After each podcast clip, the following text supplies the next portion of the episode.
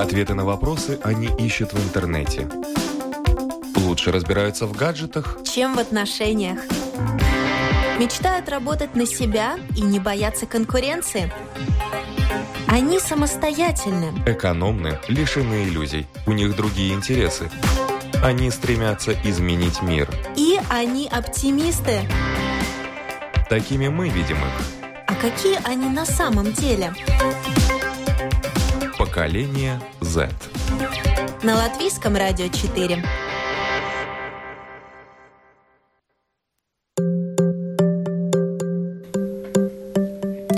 Здравствуйте, уважаемые радиослушатели. У микрофона Марина Талапина. В эфире программа «Поколение Z» за операторским пультом Яна Дреймана. Музыкальный редактор программы Кристина Золотаренко. И сегодня мы будем говорить о том, что можно часто услышать «У меня депрессия», «У меня апатия», и даже у меня амбивалентное расстройство личности, например, сегодня действительно такие вещи можно услышать, особенно в группах молодых ребят, группа, рассказывающая о прелестях анорексии, депрессии и других психических отклонений. На данный момент времени можно встретить почти на каждой страничке современных подростков. К чему это, зачем это, почему это так, мы сегодня узнаем. Я рада представить, у нас сегодня те, кто предложил поговорить на эту тему. София Писахович. Здравствуйте. Анна Смыкова. Добрый день. Кирилл Гончаров. Здравствуйте. Леонард Теснов. Приветствую всех. Ну и э, без эксперта мы решили, что мы не обойдемся, чтобы наш разговор был компетентным, мы пригласили доктора психологии, экзистенционального аналитика Алену Якубу. Здравствуйте. Здравствуйте. Как всегда, уважаемые радиослушатели, если вас интересует тема романтизация психических расстройств. Пишите нам на нашей домашней странице www.lr4.lv, кликайте «Написать в студии», и мы с удовольствием ответим и прокомментируем то, что вы нам напишете, и зачитаем то, что вы нам напишете. И очень интересно услышать также и ваше мнение, и если у нас получится, мы обязательно будем принимать звонки. Но звонки не гарантирую, а вот писать в студию призываю. Итак, Ребят, первый вопрос, конечно, к вам. Почему вы решили эту тему поднять, София? Давай. Я в Ютубе начала смотреть одну э, психоаналитик. Она очень подробно рассказывает э, обо всех расстройствах личности, обо всех э, психических болезнях. И я поняла, насколько на самом деле плохо люди понимают, что такое на самом деле депрессия. Если бы они знали, что это, они бы не хотели себе ее приписывать. Ну, слишком часто употребляют в ваших кругах э, такого рода, действительно приписывают себе проблемы? Э, да, и, к сожалению, в последнее время именно психические расстройства стали своего рода трендом, когда люди думают, что это круто, это необычно и это очень красиво, что у меня, предположим, депрессия. Но на самом деле это очень вредит э, людям, с, у кого действительно есть какие-то ментальные заболевания, потому что например, когда они приходят куда-то и говорят, у меня диагностирована депрессия, то есть у специалиста, то над ними все начинают просто смеяться, потому что депрессия стала в наше время молодежью восприниматься как что-то, как некая грусть, скажем как так. Просто плохое настроение. Да, да. То есть, о, у тебя депрессия, да, если ты видишь опущенные глаза, ты можешь подойти, спросить, это на самом деле как... У меня вопрос к Софии. София, а почему вас заинтересовал и увлек именно этот канал, и вы обратились к этой теме и там зацепились? А... Вот лично для вас. Ну, меня, в принципе, интересует, как все устроено во всяких разных сферах. Также психология – это неотъемлемая часть. Это самое главное практически, что вот у человека есть, чтобы быть счастливым и здоровым, и чтобы у него все получалось. То есть вы искали и ищете себе ответ на вопрос, как быть счастливой? Ну, отчасти да, но меня интересует, как еще можно помочь, к примеру, другим людям. А вы себя видите в будущем, связываете с какой-то такой системой человек-человек, человек помогающий в профессии? Нет, нет, но меня это интересует. Интересует. Угу. Пока что просто интересует. Да. Угу. Очень приятно. Но вы знаете, люди испокон веков, даже еще в наше поколение, вот вы тут меня хорошо классифицировали, э, было нормально и естественно хотеть познать себя. Было нормально и естественно и будет разобраться в себе. Э, в наше время были не модные каналы Ютуба, а такое понятие, как анкета, составление вопросов, и мы отвечали на вопрос, какой тебе цвет нравится, э, какой фильм ты смотришь, какой твой любимый автор и так далее. В ваше время слава богу, есть более продвинутые технологии, тесты стали более доступны. Это естественная потребность, особенно в подростковом возрасте, познать и понять себя. Так что ваши все запросы, они абсолютно гармоничны с вашим возрастом. То, что касается именно непосредственно действительно романтизации такого рода заболеваний, там, у тебя депрессия, это характерно как и для молодежи, точно так же и более старшее поколение может себе приписывать, другим приписывать, а там у него апатия, не трогайте его, пускай он отдохнет или еще что-то.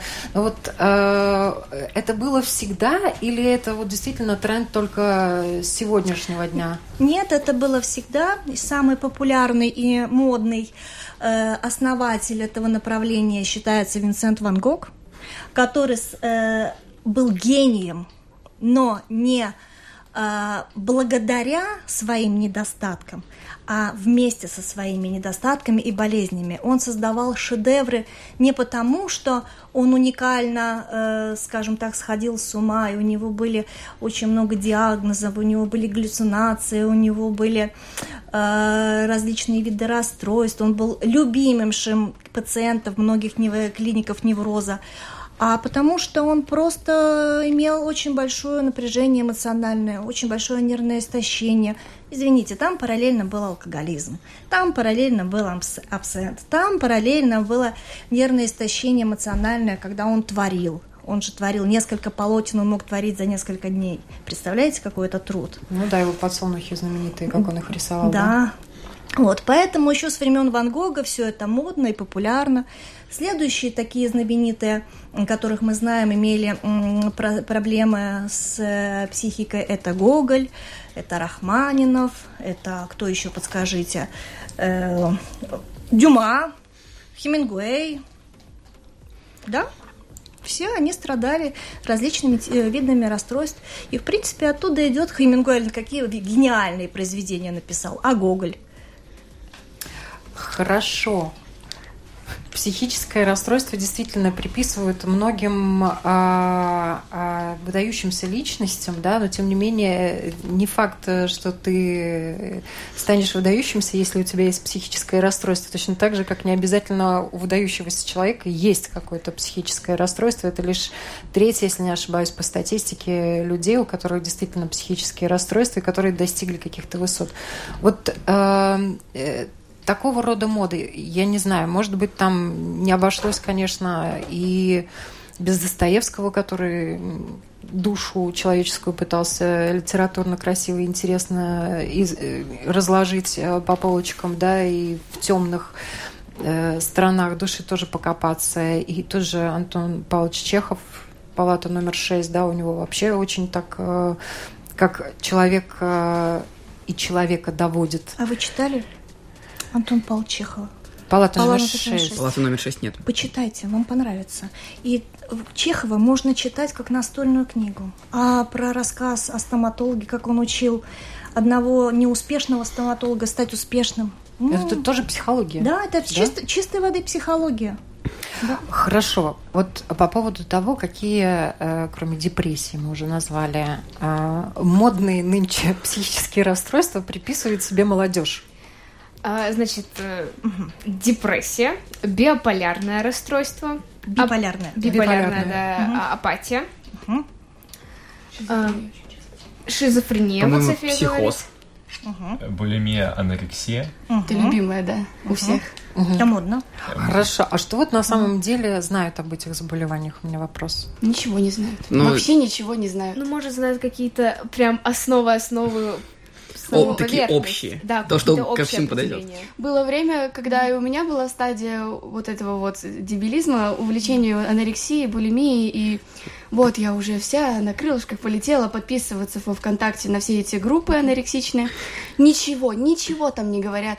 А так сказать, прелестях анорексии, о том, что ты вообще боишься еды, когда на нее смотришь, то, что тебя трясет от ужаса просто. Там говорится, ну, ты будешь очень худая, все будут тебе завидовать, да, так что давай, давай, худей. Скажите, пожалуйста, а почему, я опять если вам что-то не нравится, вы, пожалуйста, меня остановите. Почему вы решили, что у вас анорексия? Я так не говорила. Я Нет, так это, не считала это, это вот... Да, вот то есть, когда человек себе объявляет что-то. Вы понимаете, что такое анорексия? Анорексия – это один из видов криков в, вовне, во в жизнь, что я так больше не могу. Это когда у человека выбиты уже все опоры, и он уже кричит, особенно близкому кругу, да, да он даже не дальнему кругу кричит, а близкому. Ребята, я здесь, посмотрите, я здесь, вот я такой. Да, я с вами абсолютно согласна, но так как я была в неведении о том, что такое на самом деле анорексия, я думала, да, не, не, не поела день, все, у меня точно анорексия. Но когда в эту тему погружаешься, когда начинаешь уже понимать, что это такое, а не просто очень худая девочка, которая мало кушает, или мальчик. Вы знаете, вот. и я тоже, когда вот вы меня пригласили на передачу, спасибо вам большое, э, я стала смотреть, думаю, ну откуда же вообще ноги нарастут, и с чего вообще с вами начать разговор, да, потому что самое страшное – это молодое поколение, вы все знаете, и вы действительно поколение, на которое надо равняться.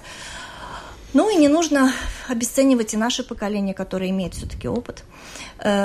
Э, у «Трое в лодке, не считая собаки», там был такой персонаж, э, как же его звали, по-моему, Джой, да? Он говорил, что я решил изучить медицинский справочник и нашел у себя э, все виды расстройств и заболеваний, кроме родовой горячки. Родильной. Родильной горячки, да. Вот, так что, в принципе, если начать, я еще помню даже в своем возрасте, когда у нас была такая газета, выходила популярная, и там описали, значит, э, вид, э, э, какие-то венерические заболевания, которых мы даже слыхом не слыхивали, мы, значит, в своем вот вашем таком возрасте читали эту самую, и мы сидим, смотрим друг на друга большими глазами, и нам казалось, что у нас есть вся симптоматика с учетом того, что у нас нет никакого опыта даже в начале как говорится, чтобы было в основе чего это лечь. То есть опыта нет. И тоже... история повторяется. И у Ани по этому поводу есть я бы хотела... заметка э, э, спросить, насколько часто в вашей практике встречались люди, которые приходили к вам, садились с унылым видом и говорили, у меня депрессия, или, знаете, я чувствую, что со мной что-то не так. У меня биполярочка. Вот, да. Как Оксимирон поет, да? Вы знаете, но те, кто уже ко мне приходит, наверное, это люди, у которых действительно есть э, вопросы и какие-либо эм, проблемы, которые требуют внимания. А есть Но... люди, которые приходят с надуманным чем-то? Э, есть... Проблемы нет, а они вот почитали в интернете, пришли Это те, и у говор... кого расстройство личности, которые не критичны к себе, но, смотрите, он сам себе придумал что-то. Но у него есть расстройство личности. Что такое расстройство личности? Это высокая IQ, некритичность к себе абсолютная, завышенное отсутствие контроля, проблемы с постоянные конфликты, проблемы с контактами. В принципе, успешный человек, по вашим вот меркам, да, это должен быть такой мега, альфа, кто угодно. Но он решил, что он в депрессии. А когда начинаем разбирать и идти к нему самому, то оказывается, он просто не знает и не умеет понимать границ. Он просто не знает, какой он настоящий. Он просто не может э, понять, что мир устроен по-другому. И это все тоже одно из больших видов расстройств по даже классификации Всемирной организации здравоохранения. Так что если уже человек всего то чего-то себе надумал, что-то он себе представил, то у него все-таки что-то есть. есть основа, понимаете, есть в этом есть всегда основа. Беспочвенно ничего не бывает. А, по поводу, э, как бы, не то чтобы психических расстройств, а вот именно э, расстройств личности, мне кажется, люди тоже вот любят себе что-то приписать, там, я невротик, там, у меня шизоидное расстройство личности, но сразу все понятно, есть оно или есть ли оно у тебя или нет, когда посмотришь ту же самую вот женщину, которую я смотрю на ютубе, она говорит, откуда это идет, к примеру, ну, ваши родители вас слишком много хвалили, да, и тогда ты понимаешь, а хвалили они меня слишком много или нет. И тогда получается, ну, если да, то да, а если нет, то нет. Тут уже нету такого, что, ну, кажется, я что-то в себе ощущаю. Тут уже либо да, либо нет. Ну, я прихожу сейчас вот к пониманию того, что вы, помимо того, что действительно констатируете, что сейчас это, да, тренд, да, многие себе приписывают, и если вдруг какие-то там червячки у вас начинают тараканчики бегать, вы на эту тему сразу пытаетесь э, найти информацию, проанализировать. Да. Перечитываем Википедию по несколько раз. Да, и то есть получается, что в принципе, да, все то же самое обращение к энциклопедии нашего поколения, да, и ваше поколение просто обращается к интернету и там ищет свои э, ответы на те вопросы, которые у них возникают. Но вы это так не оставляете, да, вы, вы просто пытаетесь проанализировать и уже мы, наверное, вот это вот следующее поколение, да, вот в этом, наверное, разница наша и есть, что мы просто себе приписывали, мы не пытались... У нас не было столько информации, чтобы мы могли проанализировать, что у нас этого нет. Вы знаете, при всем уважении к поколению, как я уже сказала молодым людям, у меня дети недалеко отошли, да, от вашего возраста, я, я в теме. Э, я вам скажу так, все должно иметь хорошую, золотую, нормальную середину. Если у вас есть поисковая активность какая-то, и вы чувствуете амбивалентность, а амбивалентность – это невозможность принять решение. Синее платье одеть, черное. Майку белую сегодня или зеленую. Пойти в ИЛУ или пойти в ТСИ. Это нормально. Ненормально – это когда из-за ваших вопросов ухудшается качество вашей жизни. Нормально все, нормально депрессия, потому что человек может уйти и погрустить. Пусть это называется по-другому. Нормально э, сомневаться, нормально иметь здоровые страхи, тире, в скобках фобии, потому что они сохраняют наши инстинкты, мы идем за инстинктами, да, иначе мы все поразбивались, там нас бы покусали пауки, мы бы сидели в лифтах и оттуда не выходили, да, то есть это все нормально.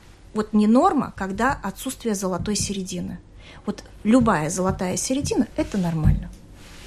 А если вы ищете на это вопросы, ответы, то это тоже нормально, потому что ваш возраст должен искать ответы на все интересующие вопросы. Вы молодцы. Только лично, по-моему, ненормальным является сейчас тот факт, что наша культура и э, все ментальные расстройства являются как способом просто поиска внимания, э, с поиском э, способа выделиться. И, и также, в общем, культура как и кинематограф, так и музыка показывают то, что да, когда у тебя депрессия, э, с одной стороны, ты реально грустишь, но с другой стороны, ты делаешь что-то красивое, а люди хотят что-то эстетичное, они тоже э, погружаются полностью в это, или как, например, сериалы, которые показывают самоубийство и все, что крутится вокруг него, и как это влияет на других людей, то, что вот ты умрешь, и ты заставишь других э, с этим бороться и разбираться, и, по-моему, мне кажется, что это все неправильно.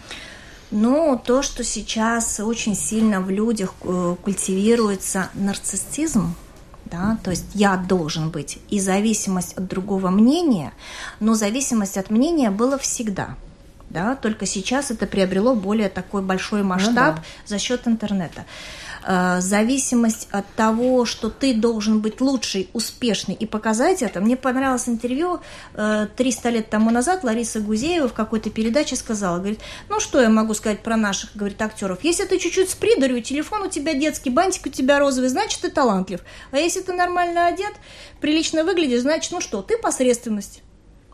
Понимаете, то есть обращают внимание на то, что выделяется. Да? То есть человек любыми способами хочет выделиться. Но опять-таки, я бы опять вернула все к тому. А вы где? А что это за вами? А как это для вас? Вот вы действительно хотите выделиться? Вам действительно нужна эта минута славы? Что вам даст эта минута славы? Вот если вот все вам поставят лайки. А ну, если не поставят? Значимость. То, что многие поставили тебе лайки. Значимость в чем?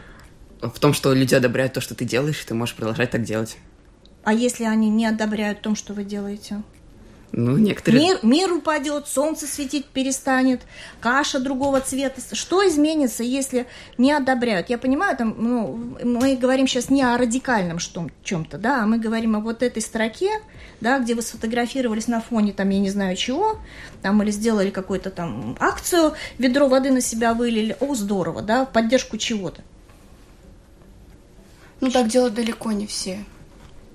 Ну, не все, но все же стремятся за лайками. Когда что ты творишь, ну, ты же хочешь этим поделиться с другими, а когда видишь, что людям это нравится с помощью комментариев или лайков, или то, что они рассказывают о твоем искусстве другим людям, это, ну, это приятно. приятно. Но на самом деле, вот в контексте нашей программы mm. Кирилл очень правильно обозначил тему, да, люди пытаются за счет э, каких-то заболеваний, психических расстройств э, обратить на себя внимание. Да, выделиться розовый бантик. Розовый бантик, да. Ой, у меня депрессия, ой, я не такая, как все. Как раз вот очень часто вижу рекламу других профилей в Инстаграме. Почти каждая девушка, ну, просто обязана писать, поборола анорексию. У нее профиль никаким образом с этим не связан. Она, не знаю, продает ботинки, вот, но обязательно болела анорексией, но поборола ее, и помогу тебе. Слушайте, ну тогда она либо величайший пиарщик, потому что слово анорексия будет выскакивать в каждом контексте, кто его набирает, да, и тут она продаст удачно ботинки. Это да, тоже да. возьмем, да? Ведь что такое, почему вы изучаете, по большому счету, все люди изучают психологию? Чтобы манипулировать. Абсолютно согласна. Да? Согласна? Правильно? Угадала в яблочко? Чтобы манипулировать. Манипулировать кем? Другими. За счет чего? Чтобы самому стать более успешным, властным и так далее, да? Да. Нормально, так? Честно? Ну да. Понятно. Честно, то есть мы изучаем механизмы управления. Чтобы изучить механизмы очень, управления. Очень, очень правильное замечание, но в связи с этим вот как раз вот механизмы управления, какие у вас эмоции вызывают люди, которые вы, ну, вот, пишут у себя на страничке что-то, ваши одноклассники, которые там говорят, ой, у меня сегодня депрессия. Ну или еще что-то. Какие они чувства у вас вызывают? Когда встречается человек, который пишет фразочку на стене по типу «суицид – это тоже выход», но обычно по аккаунту понятно, что это у него правда депрессия, и он в этом ищет э, проблему, как он в этом видит решение, или это все-таки поиск внимания. Но когда это прям видно, что проблема, и ты как бы догадался до этого, а он, уже, а он это сказал, тогда обычно пытаюсь помочь. На самом деле, вот когда а, просто люди, вот, ну, когда так нас, настолько понятно, как однажды моя подруга сказала, София, а это расстройство пищевого, пищевого поведения, если я много кушаю. То вот такие случаи прям бесят, прям еще немножечко смешно сразу от этого. Но если ты подоз... вот как вот уже сказали, подозревал, что у человека какая-то проблема, и он это сказал. Обычно люди не кричат о том, что у них есть какие-то проблемы, они даже сами этого не осознают на самом деле. И в этот момент даже немного страшно, типа, а что я делать должен сейчас? Если они прям догадываются, что у них именно эта болезнь, они не будут никому кричать, что у них это болезнь, они скажут обычно близким друзьям. Да, когда вот кто-то говорит тебе, Uh, уже через несколько лет, как вы познакомились, но вообще мне uh, несколько лет назад поставили там диагноз, не знаю, Биполярное расстройство. Ну да, биполярное расстройство. И говорит человек это не с каким-то, да, у меня биполярное расстройство, ой, так плохо живется, да ты просто не представляешь. Вот когда он говорит это, типа, вот так вот, уже доверившись, прям страшно становится, если честно. Uh, у меня постоянно это вызывает какую-то пассивную агрессию. Мне хочется сразу прокорректировать человека, и на это есть причина, потому что я не могу воспринимать людей, которые говорят, вот у меня вчера была депрессия после того, как э, э, мы пережили э, реабилитацию моей близкой подруги, которая чуть не сделала суицид. И после этого я каждый раз к этому отношусь очень, очень критично. Ну, я в какой-то степени э, согласна с Кириллом.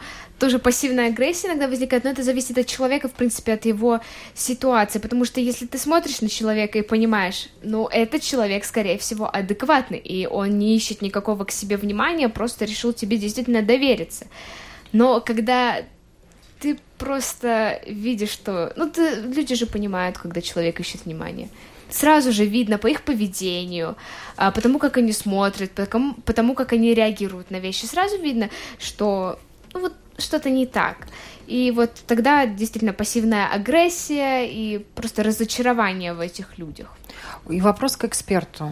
Насколько часто человек, который находится в этом состоянии, у которого это расстройство, осознает, что у него это расстройство есть? Это очень индивидуально. Как правило, диагнозы... Есть те люди, которые знают о том, что у них диагнозы. Когда они уже поставлены. Да, а есть те, кто приходят э, к специалистам э, и узнают о том, что у них есть диагнозы. Э, Все очень индивидуально. Есть люди, которые отрицают, что у них есть диагнозы. Правильно? Знаете, что делают на психотерапии, когда у человека уже есть диагноз? На психотерапии человеку помогают осознать, что у него есть диагноз, но это не приговор, что он может с этим что-то делать и как-то обходиться, что в каждом внутри человеке живет вот этот вот перзон, и он здоровый. И вот задача терапевта – помочь человеку дойти до этого здорового, который там внутри, и помочь человеку как в опоре, да, то есть опереться на что-то. Что я могу с этим делать? У меня есть ну, много клиентов, но один такой очень яркий – это человек с биполярным расстройством, который узнал о своем диагнозе, будучи взрослым, и который, конечно, сначала пошел по первому пути, это к психиатру, а потом пошел по второму пути, это в храм. А, это, это факт, да, то есть человек ищет опоры. И третье, что человек сделал, это получил э, специальность психолога, и четвертое, в конце концов, сказал, ты знаешь, мне все это не надо, мне главное сам, самого себя научить поддерживать. И когда ко мне приходят студенты, первокурсники на, на практику, первое, что я им говорю, каменным голосом, ледяным лицом, говорю, так, кто пришел сюда лечить свои проблемы, всем сразу до свидания, идите на терапию, это дешевле. Они говорят, почему такая неприветливая? Я говорю, зато честно и быстро. Да? То есть, в принципе, э, есть другой человек, который э, столько часов потратил на психотерапию для того, чтобы помочь себя поддерживать, и теперь продолжает заниматься психотерапией, да, и у нас много центров, которые поддерживают. У нас, кстати, на Юге есть прекрасный центр, пожалуйста, да, там работает команда высочайших специалистов, есть частные специалисты, то есть спектр любой, вы можете найти опору для себя или специалиста, какой вам подходит, но задача человеку дать в руки инструмент, с которым он сам бы мог справляться. Ну вот это действительно правильно, и те самые американские фильмы про то, что у каждой школьницы есть психотерапевт, потому что родители не уделяли внимания. Там mm-hmm. есть и соль, там есть и правда, да. Но то, что касается статистики, Всемирная организация здравоохранения вот э, подсчитала, mm-hmm. около 25% всех людей в какой-то момент в своей жизни столкнутся или сталкивались с психическими расстройствами. Mm-hmm. Но это не значит, что эти расстройства переходят э, в затяжную болезнь, хроническую, хроническую форму и mm так далее. То есть какие-то проявления психопатоподобных mm состояний, они э, могут э, происходить mm и у маленького ребенка, и у большого, и у взрослого, да, но не факт, что это сиюминутная какая-то вещь, потом перерастет, переродится в тяжелое заболевание. Да, а в каком возрасте чаще всего э, образуются псих, э, психические расстройства? Э, нету проявляются. Так, нету да. такого понятия образуются или проявляют. Они могут выстрелить, проявиться. Есть люди, у которых в 30 лет, есть люди, у которых пубертант провоцирует. Да. Есть э, те, у которых ближе э, к э, третьему возрасту начинается сильная акцентуация, да, и депрессия, как правило, старость сопровождается депрессией. Но, как сказала наша ведущая, мы все в разный период жизни можем пережить различные факторы, которые нам, нам дадут тот же даже стресс. Допустим, потеря близкого. Каждый справляется по-своему в зависимости от значимости и трагедии ситуации допустим, даже какой-то конфликт, который довел нас до красной ярости, когда все, я готов уже все громить на своем пути. Но если я смогу запустить свои же самые механизмы самосохранения, я могу успокоиться и выйти с этого состояния через какое-то время. Да? То есть все, что угодно, тот же самый даже страх, испуг. Да? Что-то нас сильно испугало, я не знаю, там собака из угла выбежала, черная какая-то тень, ну все что угодно, да, может спровоцировать конфликт, э, разрыв отношений. Один из самых-самых таких факторов запускающих – это разрыв отношений, развод. Да, это может быть и первая любовь, травматичный опыт, который всю жизнь мы вспоминаем. Это может быть и разрыв отношений э, с людей среднего возраста, 20 лет прожил в браке, как же так, и Вариантов много. Одно дело, как мы с этим справляемся. Но для всего нужно дать время. И... Буквально после музыкальной паузы мы продолжим и узнаем, как с этим справляться и можно ли с этим справляться самостоятельно. Мы не знали друг друга до этого лета. Мы болтались по свету, земле и воде. И совершенно случайно мы взяли билеты На соседние кресла на большой высоте. И мое сердце остановилось, мое сердце замерло Мое сердце Остановилось мое сердце, замерло.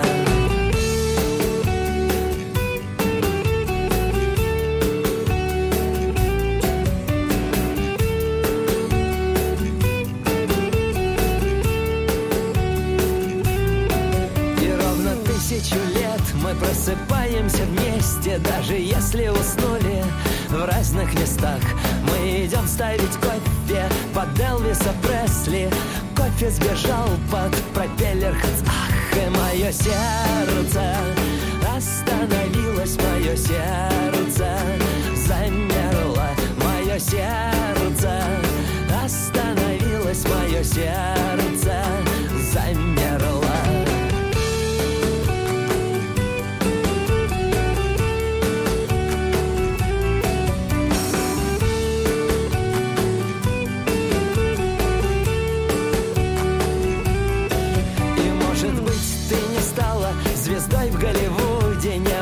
Выходишь на подиум в нижнем белье. У тебя не берут автографы люди И поешь ты чуть тише, чем Монсеррат Кабалье. Ну так и я, слава богу, ни Рики, ни Мартин Не выдвигался на Оскар французом не забивал. Моим именем мне назван город на карте Но задернуты шторы и разложен диван. И мое сердце остановилось, мое сердце замерло, мое сердце остановилось, мое сердце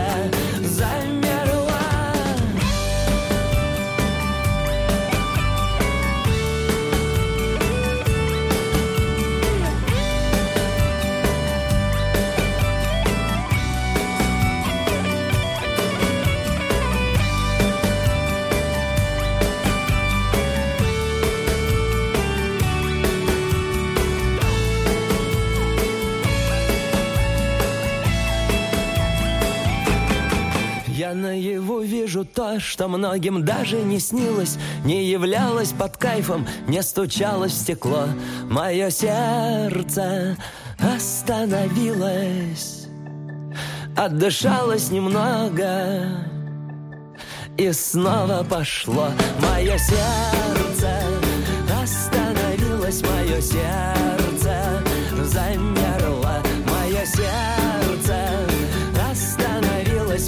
сердце замерло, и мое сердце.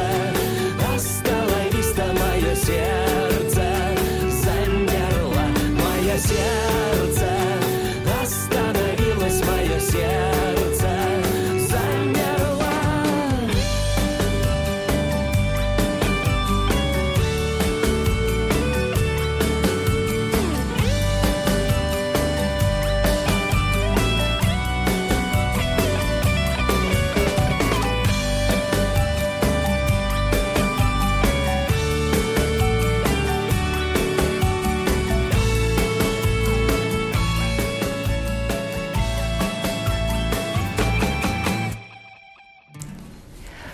Еще раз всем за... здравствуйте. В эфире программа «Поколение Z». У микрофона Марина Талапина, за операторским пультом Томс Шупейко.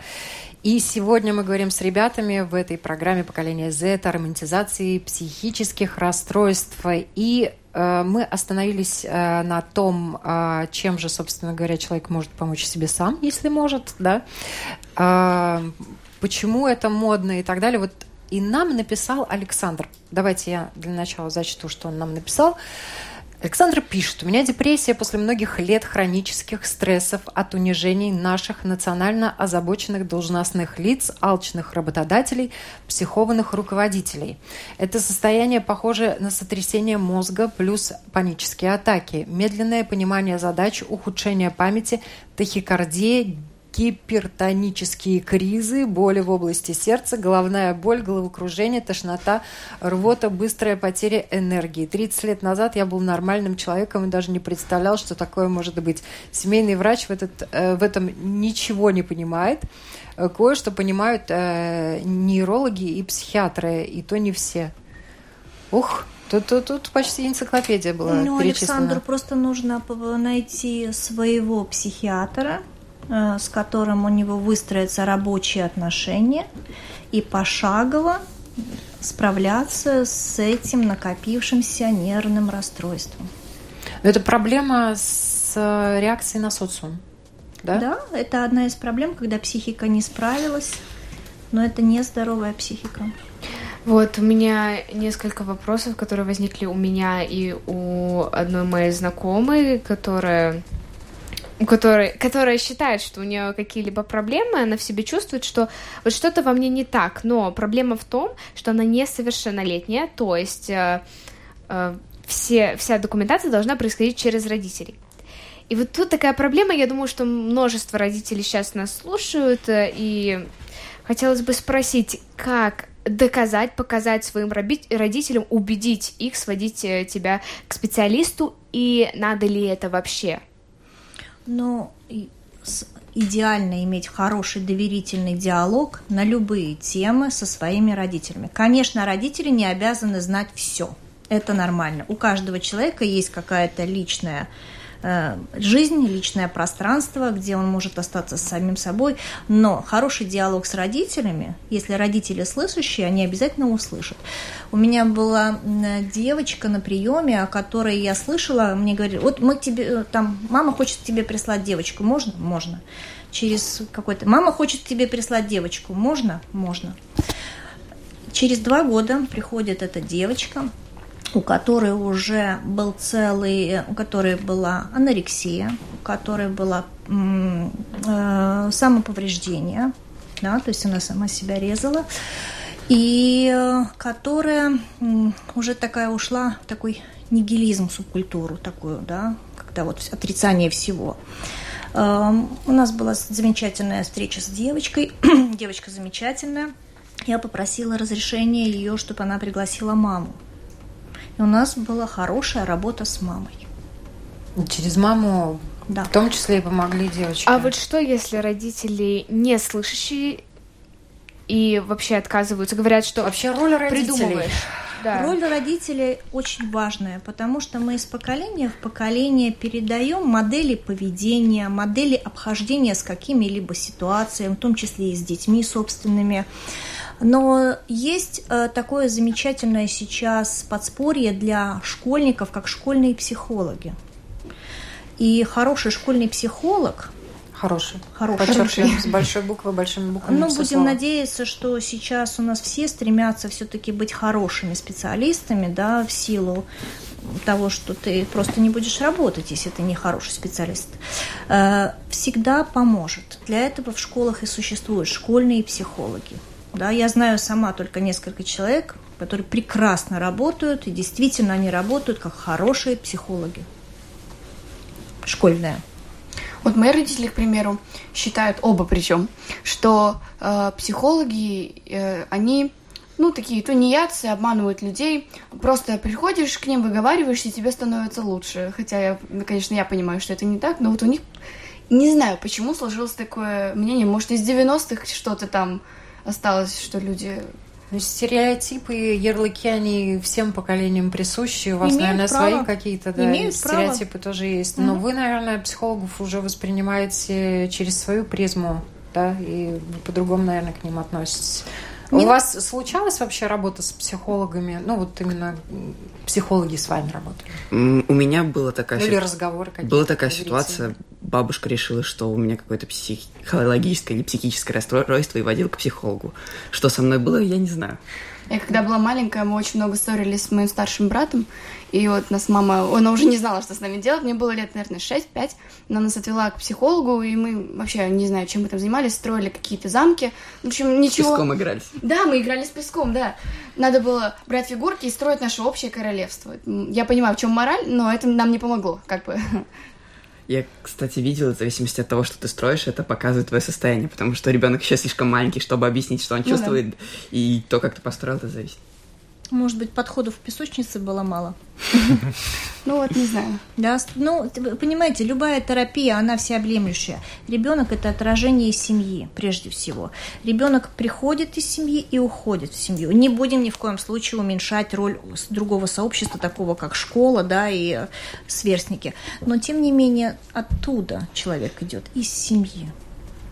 То есть и какой он оттуда идет, все-таки зависит от семьи. Мне кажется, школа и остальные, как бы, как это сказать, ну, как, сферы Институты жизни. общества. Да, они играют меньшую роль, потому что если ты вырос в хорошей семье, что в нашем обществе редко, бы очень редко попадается, ну, я почти не знаю людей, у которых вот хорошие родители, вот если ты вырос здоровым, то тебя не так-то легко сломить.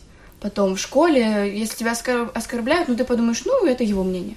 А вот если родители были не очень хорошие или наоборот слишком хорошие, то тогда тебя гораздо легче потом оскорбить или как-то надломить твою психику. Да, вы правы. И вопрос таки, а что вы с этим можете делать? Ничего. Как ничего? Ну, записаться к психологу. Да, хотя бы для начала записаться к психологу, поговорить, обсудить со своими сверстниками, а у них как? Да, то есть если у вас нормальные отношения, они такие на уровне э, инстаграм лайков, да. А у них депрессия и биполярочка. Ну что? На уровне инстаграм лайков, да? Да, да. Не, ну если... э, Вот, э, Так у вас что, друзей нет? Одни инстаграмы и лайки? Почему есть? Но у них... Но статистика показывает, что друзей у нашего поколения гораздо меньше. Из-за инстаграма, лайков и так Они далее. точно такие же глупенькие, как и мы сами, так что что мы там можем от них узнать интересного? Ну, вы знаете, вот слово «глупенькие» не подходит, мне кажется, никакому поколению, никакому человеку, да, и живому существу. Не такие уж все мы глупенькие, какими иногда нас кто-то видит. Раз в этом мире как-то приспосабливаемся, выживаем, значит, все-таки что-то нас заставляет держать. Ну да, и такой прогресс технический, Да. опять же. Да, а Далеко то, не глупенькие у вас поколения делают. поисковая активность большая, это да. Поэтому не надо бояться обращаться к специалистам. Но в конце концов вы можете найти много. Вы можете тоже тему поднять и обсудить э, в своем интернет-пространстве, да, услышать, увидеть. Но главное не быть зависимым от этого. Я э, задам вопрос, который задает Эгилс. Он нам написал, он спрашивает, какой процент реальных депрессий в Латвии, Литве, Эстонии, Беларуси, Украине? Процент? Вот Процент вообще, процентное в процентном соотношение я вам не могу сказать. Это Google вам в помощь. Я знаю, я знаю. Давай. 30% людей, они хотя бы раз сталкивались с депрессией, ну прям настоящий, а не какой-то там непонятный. цифры очень ни о чем не говорят. Вот эти цифры, все 30%, это не те цифры, на которые надо опираться. Потому что нужно смотреть немножко шире, да. Ну да, опять же, То есть- депрессия в, кла- в классическом ее проявлении, то, что врачи назвали Мгм. депрессией, то, что классифицировано в Всемирной организации здравоохранения, Мгм. это серьезное заболевание. Человек э, погружается в себя, и его оттуда надо еще подумать, как достать. Так, посещение психотерапевта должно быть на постоянной основе или только пока ты себя чувствуешь плохо? Это очень индивидуально. Это настолько индивидуальная работа. Одному достаточно один раз ходить, и он как-то может найти свое поле и встать на свои, как говорится, на свои опоры. Другому нежно- нужно несколько визитов. Третий должен, эм, если он чувствует такую потребность, вообще пройти курс самопознания. Это тоже нормально. Э, Четвертому нужно пожизненное сопровождение. Это все очень индивидуально, и это решает человек сам. Вот в терапии все, что касаемо психологов, психотерапевтов, там главный клиент. Там он решает. Да? Только по согласованию со специалистом.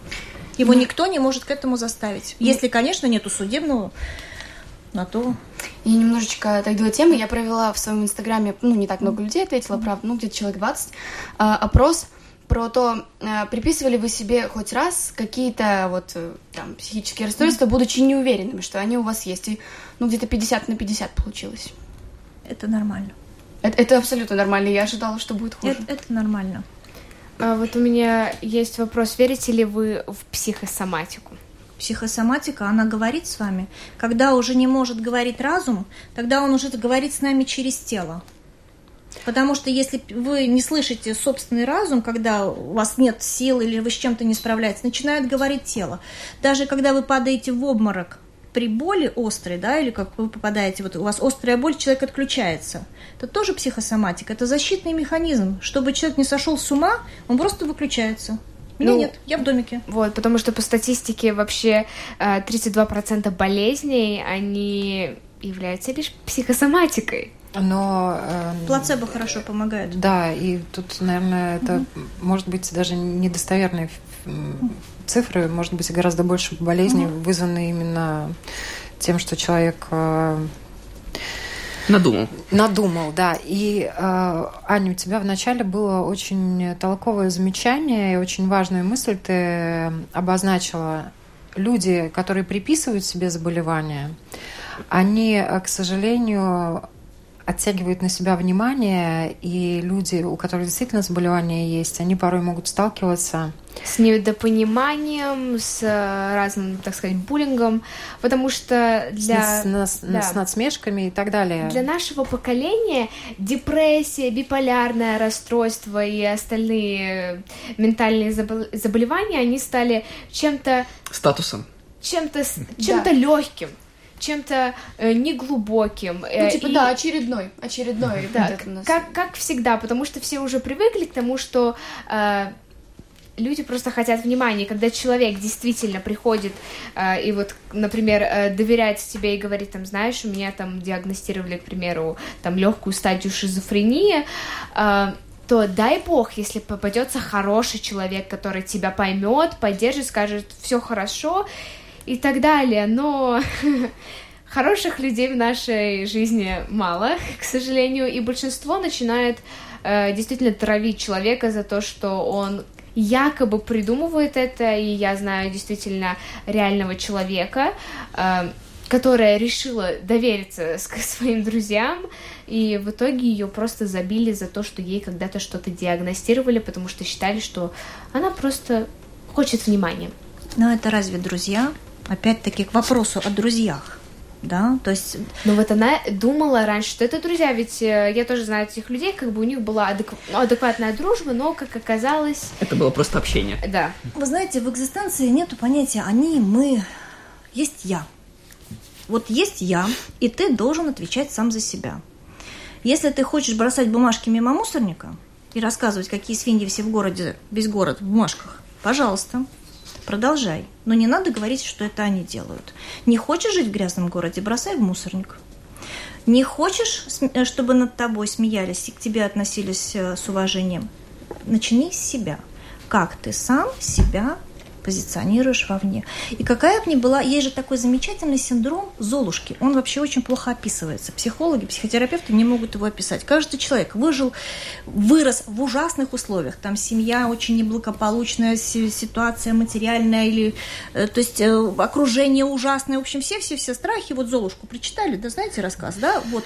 А вырастает такая Золушка, цветочек с открытыми глазами, неважно, это мужского рода или женского, да, который смотрит на мир позитивен, который открыт, который пытается всем помочь. Вот этот синдром Золушки, вот я вам желаю всем чуть-чуть к себе раскрыть эту Золушку. Ну кто ж вам заставляет-то подсмеиваться над соседом рядом? Или если он пришел в школу там не в тех джинсах, кроссовках, или там нелепо ответил на уроки, или там, не знаю, спотыкнулся, у него что-то не так. Кто вас заставляет это делать? Или обсуждать потом в интернет-сетях вот это все расписывать? Вот у меня там такое и пошло-поехало. Ответьте себе на вопрос, зачем вы это делаете? Что вам это ну, дает? Вот, вы да. хотите быть замеченным? Вам нужны вот эти лайки, чтобы ваш Инстаграм все посмотрели? Окей, это хороший бизнес.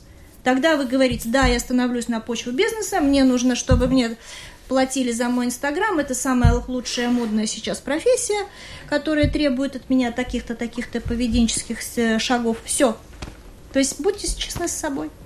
Будьте честны с собой. Я предлагаю сделать это слоганом не только сегодняшнего дня. Спасибо большое, что были с нами. Наше время подходит к концу. Я напомню, у нас в гостях э, на тему романтизации психо- психических расстройств говорили София Писахович, Анна Смыкова, Кирилл Гончаров, Леонард Теснов и доктор психологии Алена Якуба. Спасибо. Всем быть честным с собой. Хорошего дня. Ответы на вопросы они ищут в интернете. Лучше разбираются в гаджетах, чем в отношениях. Мечтают работать на себя и не бояться конкуренции. Они самостоятельны. Экономны, лишены иллюзий. У них другие интересы. Они стремятся изменить мир. И они оптимисты. Такими мы видим их. А какие они на самом деле? Поколение Z. На латвийском радио 4.